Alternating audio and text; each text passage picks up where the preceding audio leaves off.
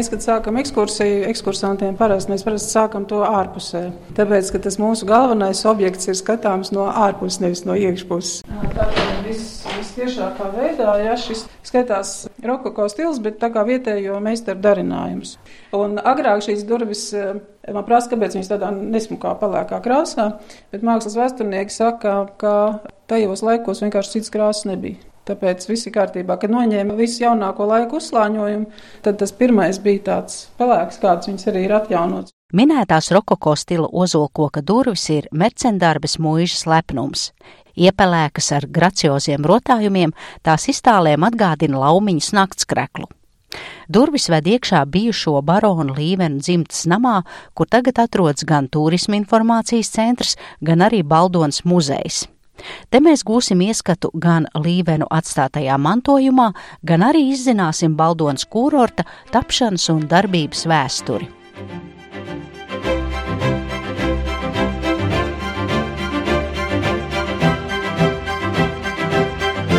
Latvijas pērles. Mercendarbas mūža var lepoties ne tikai ar krāšņām un senām durvīm, bet arī ar senām kāpnēm un sienu rotājumiem. Bet pirms ieejam muzejā, iepazīsim šīs vietas vēsturi, un to mums palīdzēs izdarīt Baldonas turisma attīstības biedrības vadītāja Zane Ulmane. Vieta jau ir zināma no 1254. gada, tikai mazliet ar citu nosaukumu. Šīs zemes ir piederējušas Rīgas arhibīskapijai, Un toreiz ir tā vieta saukusies Mercepole. Pēc tam Mercdorf, pēc tam Mercendorf un Mercendarbi. Tas ir tikai pagājušā gadsimta 20. gadi e, latviskots nosaukums pēc agrārās reformas. Bet tā Mercepole visdrīzāk ir lībiešu izcelsmes vārds, jo šeit ir lībiešu zemes bijušas. Ko īsti tas nozīmē, nezinām, bet iespējams, ka tur ir zināma analoģija ar lībiešu pusē esošo Mercepoli, kas ir tā kā meža mala Tad šī ir arī bijusi iespējams kaut kāda mala.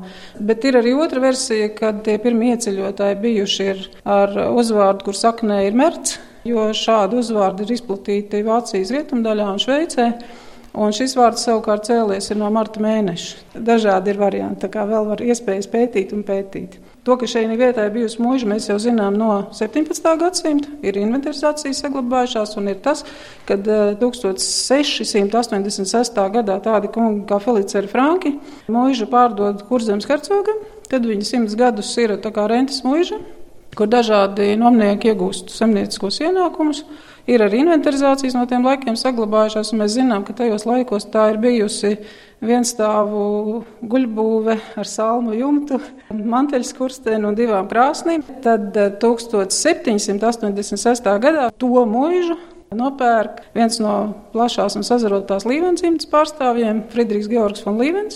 Un viņš 1789. gadā veic koku guļbūves pārbūvi.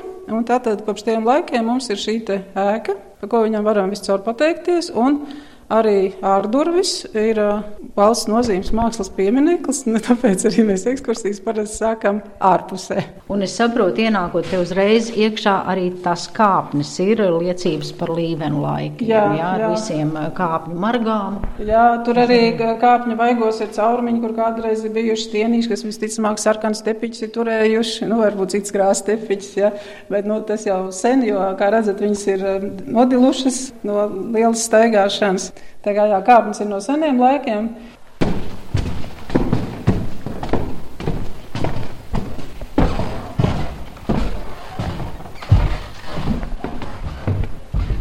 Es zinu, ka ir kaut kur pasaulē muzeja, kur speciāli ieraksta to akustisko efektu, lai senas kāpnes čīkst, bet te to nevajag rakstīt. Te jau tās ir pašas par sevi. Jā. Šo var dabiski ierakstīt. Tagad mēs dodamies uz tālpu un saucam uz līvenu kabinetu.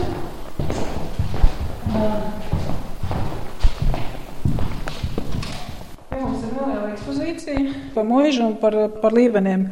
Un par to mūsu pirmo līmeni, Friedrichu Georgu von Līvenu, kurš te ir ievērojams ar to, ka savā laikā, kad beidz pastāvēt Kurzemes hercogistu un iekļāvās Krievijas impērijas sastāvā, viņš tad arī tika pieņems lēmums dibināt Baldonas kūrortu.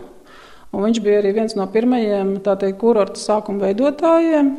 Un te ir 1795. gada broca zīmējums, ja, kur ir sēravots ar atjaunoto barokālo paviljonu, ko Līvens ir realizējis. Bet nu, tā tad redzam, ka vēl faktiski nu, tas ir paši, paši kurorta pirmsākumi. Nu, iespējams, ka tā ir viena no pirmajām vannu mājām kas kādreiz ir bijusi Baldonē. Ļoti parasti, ja koka celta, jā, viens stāv, parasta būva, tikpat labi varētu būt, jā, kaut kāda noliktava vai, nu, zemnieki. Jā, jā, bet jo tajos laikos ir žēlojušies par to, ka tie atpūtnieki, nu, tie ir bijuši bagāti cilvēki un arī bijuši no Rīgas braukuši, jā. Principā jau sēravots ir pazīstams jau no, pilnīgi noteikti no 15. gadsimta. Tajā jau 18. gadsimtā bija tā, ka viņi, tie, kas brauc ārstēties, viņi zemnieku mājās esot pat teltīs mitinājušies, lai tikai varētu šo sarūdeņu brīnumainās dziednieciskās spējas izmantot. Bet runājot par Līvenu dzimtu, pēdējais ēkas īpašnieks bija Karlos von Līvens, kurš Pirmā pasaules kara laikā no šejienes devās bēgļu gaitās uz Vāciju. Savukārt kara gados kungu namā uzturējās vācu armijas virsnieki, un par viņu dzīvošanu te ir saglabājušās fotogrāfijas. Un tad Pirmā pasaules kara laikā šeit bija fronts līnija tātad pie Daugavas. Viss vis šīs 11 km baldoni ieskaitot ir vācu aizmuguri. Un tātad vācieši šeit sabija pusotru gadu. Un viņiem bija pietiekoši daudz laika un pietiekoši labi ekipēti, un viņi atstājuši ļoti daudz fotografijas. Mēs zinām, kā šeit izstījās pirms simts gadiem. Lūk, un te ir maza daļiņa redzama. Te tās fotogrāfijas arī ir, tie ir vācu karēvi, ja te sēž vairāk virsnieki, virsnieki jā. Viņi, viņi ir šeit Ziemas, pašā. Jā, Ziemassvētki jau fonā ir 15. gada Ziemassvētks, un tas ir šeit pat, eh, mums šobrīd mēs viņu saucam svinības zāli, bet tā ir nu bijusi līvena viesistaba, tā kā tur, turpat viņi sēž. No 1939. līdz 2012. gadam kungu mājā darbojās bērnu nams, bet 2013. gadā te sākās restaurācijas darbi un ēka tiek atjaunota, lai apmeklētāji var gūt ieskatu, kā tas izskatījās līvenu saimniekošanas laikā bet kopš 2017. gada janvāra vienā no telpām ir iekārtots Baldonas muzejs. Latvijas pērles. Ķekavas upes krastos atrodas kūrorts, kuru kādreiz ļoti labi pazina agrākā Krievijā kā gandrīz vienīgo. Līdz ar radušos modi apmeklēt kūrorts ārzemēs, Baldoni attīstībā it kā apstājās. Pēdējos gados viņa atkal sāk pamazām savu kādreizējo slavu atgūt. Baldonai piemīt viena priekšrocība, kuru grūti atrast mūsu pārējos, varbūt citādi labāk nostādītos kūrortos. Tā atrodas samērā augstu virs jūras līmeņa, un pret vējiem un putekļiem to aizsargā plašie skujkoku meži ir uzlabota un pabeigta satiksme ar Rīgu, iekārtots peldu baseins un gādāts par viesu izklaidēšanos. Bez sērūdens un dūņu vannām un kompresēm Baldonē izsniedz arī skuju ekstrakta, sāls, ogļskābās un citas vannas. Tādas rindas mēs varam lasīt 1931. gada laikrakstā Latvijas sarks. Šodien no kūrorta pāri ir palikušas tikai drupas un aizaudzes parks, bet par sendienām atgādina atjaunotās sērūdens avotu skulptūras Māra un Ķirzaciņa, pilsētā ir apskatāmas senās vasarnīcas un bagātīgs fotografiju klāsts ir aplūkojams muzejā. Un šeit ir arī redzams gabaliņš no astronomijas pagātnes, un par to turpina muzeja vadītāja pienākumu izpildītāja Anete Braufmane. Viens no unikālākajiem objektiem muzejā, ko es pati mīlu, dēvēju par debesu akmeni, ir meteorīts. Tas pie mums ieradās Baldonas novadā jau 1890. gadā. Vietējie iedzīvotāji tajā momentā īsti nesaprot, kas notika. Bija liels troksnis, logi drebēja. Cilvēki pat laikrakstos ir rakstījuši, ka ir bijis debesīs krāšņi, zipšņi, un debesu krāsa ir mainījusies. Tikai nākamajā dienā atklājās, ka ir nokritis meteorīts. Meteorīts nokrita aramzemē, izsita pēdu dziļu bedri, divu pēdu platumā. Bija cilvēki, pieauguši cilvēku galvas formā un svēra pāri pa pieciem kilogramiem. Šeit viņš ir tāda pamatīga kartupeļa lielumā, tad piķa melns akmens. Spožs. Jā, sakausējumā ir ļoti daudz metālu. Pētnieki, protams, jau pētīja, sāk jau pētīt jau 1890. gadā. Un, attiecīgi, arī paši pētnieki sadalīja metālu nu, vairākās daļās un izsūtīja pētniekiem gan uz Jālgavu, gan uz Rīgu, gan uz Pēterburgu.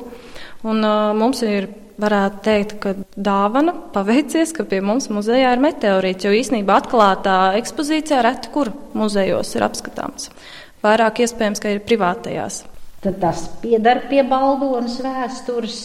Un man vienmēr patīk jā, tās senās fotogrāfijas. Tās taču var pētīt un pētīt. Kultūras un sabiedriskā dzīve baldonē. Saprotiet, mēs runājam par pagājušā gadsimta 20. un 30. gadiem baletdejotāju pulciņš te ir bijis. Jā, tā kā Baltonas kurorts ir dibināts oficiāli jau no 1797. gada 25. septembra.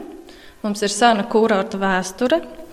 Tad eh, šeit mēs fotografijā arī redzam baletu pulciņu. Kurortā notika dažādas aktivitātes.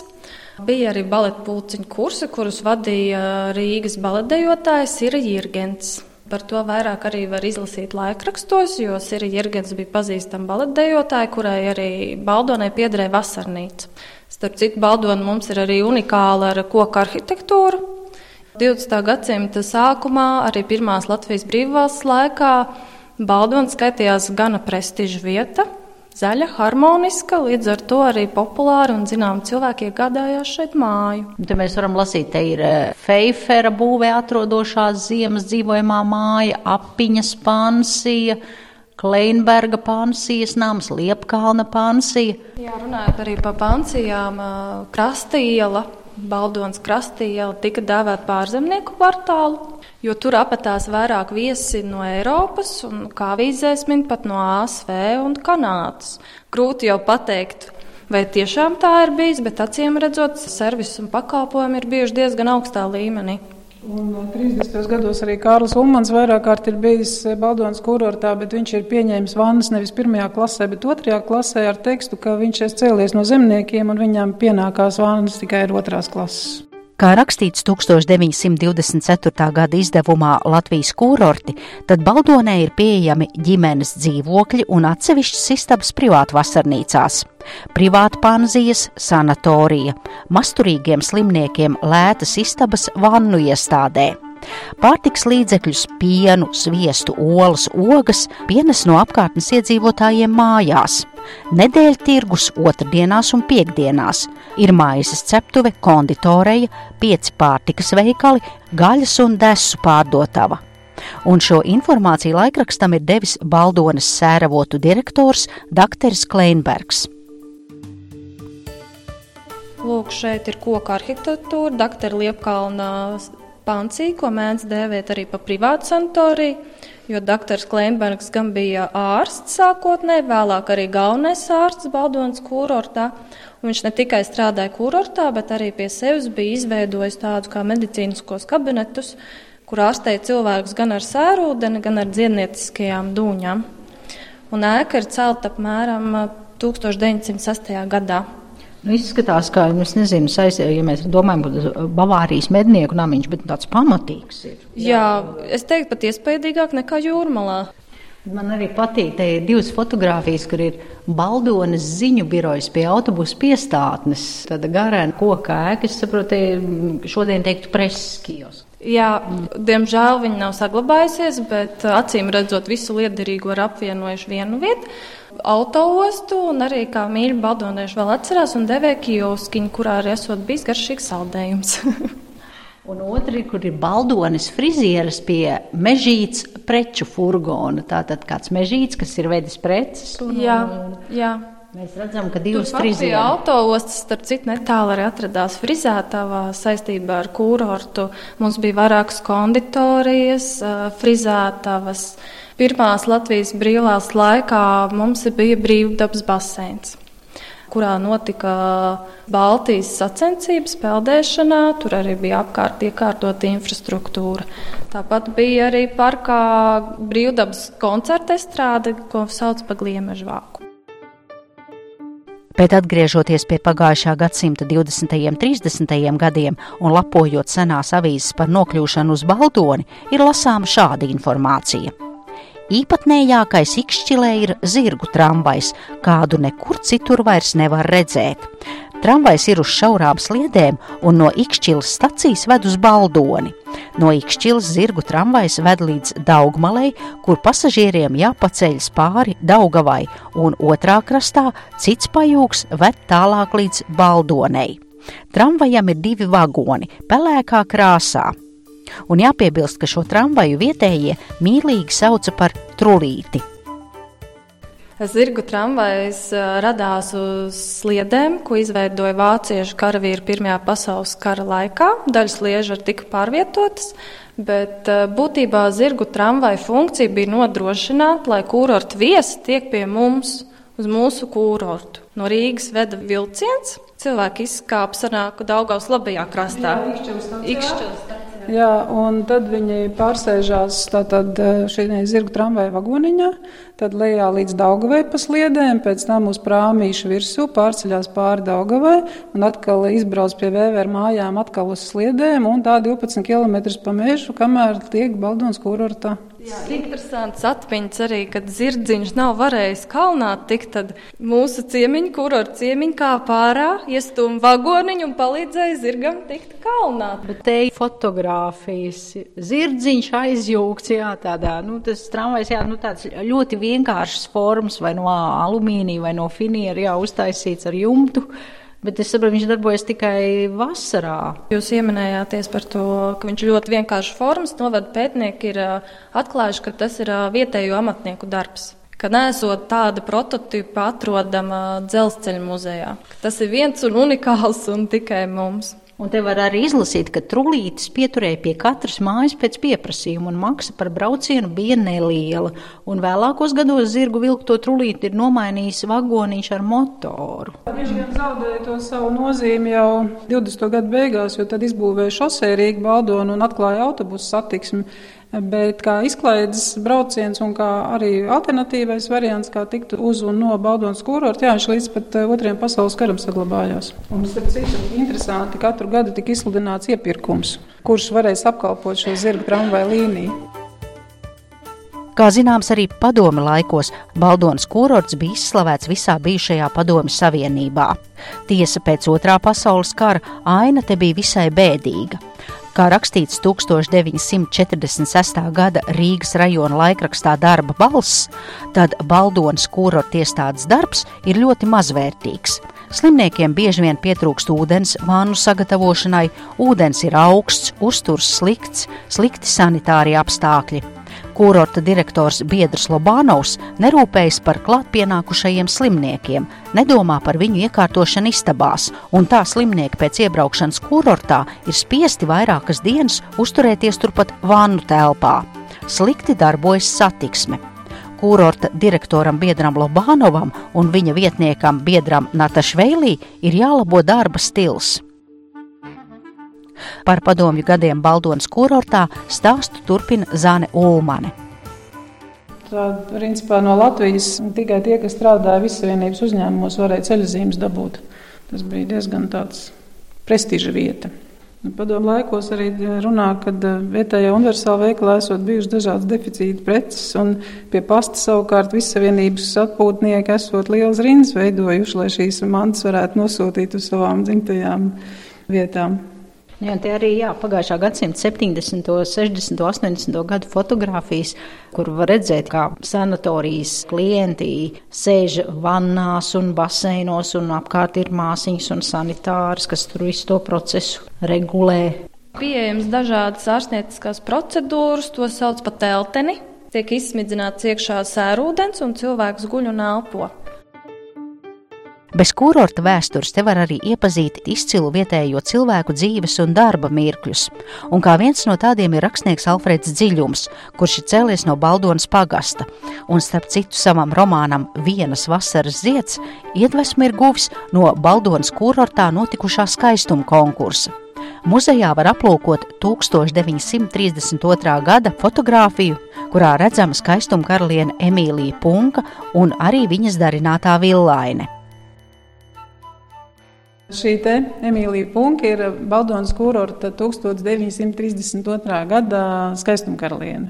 Un, uh, viņa cēlusies no saimnieku ģimenes, saimnieku meita. Viņa beigusi Kautsmīnas maiturības skolu. Un, un te mums ekspozīcijā ir vilēnīte, kuru viņa ir izšuvusi, beidzot šo te kautsminas mātrības skolu. Arī tajā fotografijā redzam, ka tur, kur šeit viņa tērpusies tajā tā kā vilēnīte, viss ļoti cienījams vecums, 88 gadi. Balta villaine ar sarkaniem un zaļiem diegiem izšūta, ar, nu jā, ar vil, vilnas au, auseklīši. Tā, un kā tad viņa kļuva par? Tika izsludināts konkurss kurortā Baldonas skaistuma karaliene, kurā arī Emīlija Punka ieguva skaistākās karalienes titulu. Un, uh, vēlākos gados Alfreds Dziļums ņēma Emīliju Punku kā prototipu un uzrakstīja romānu Viens vasaras zieds.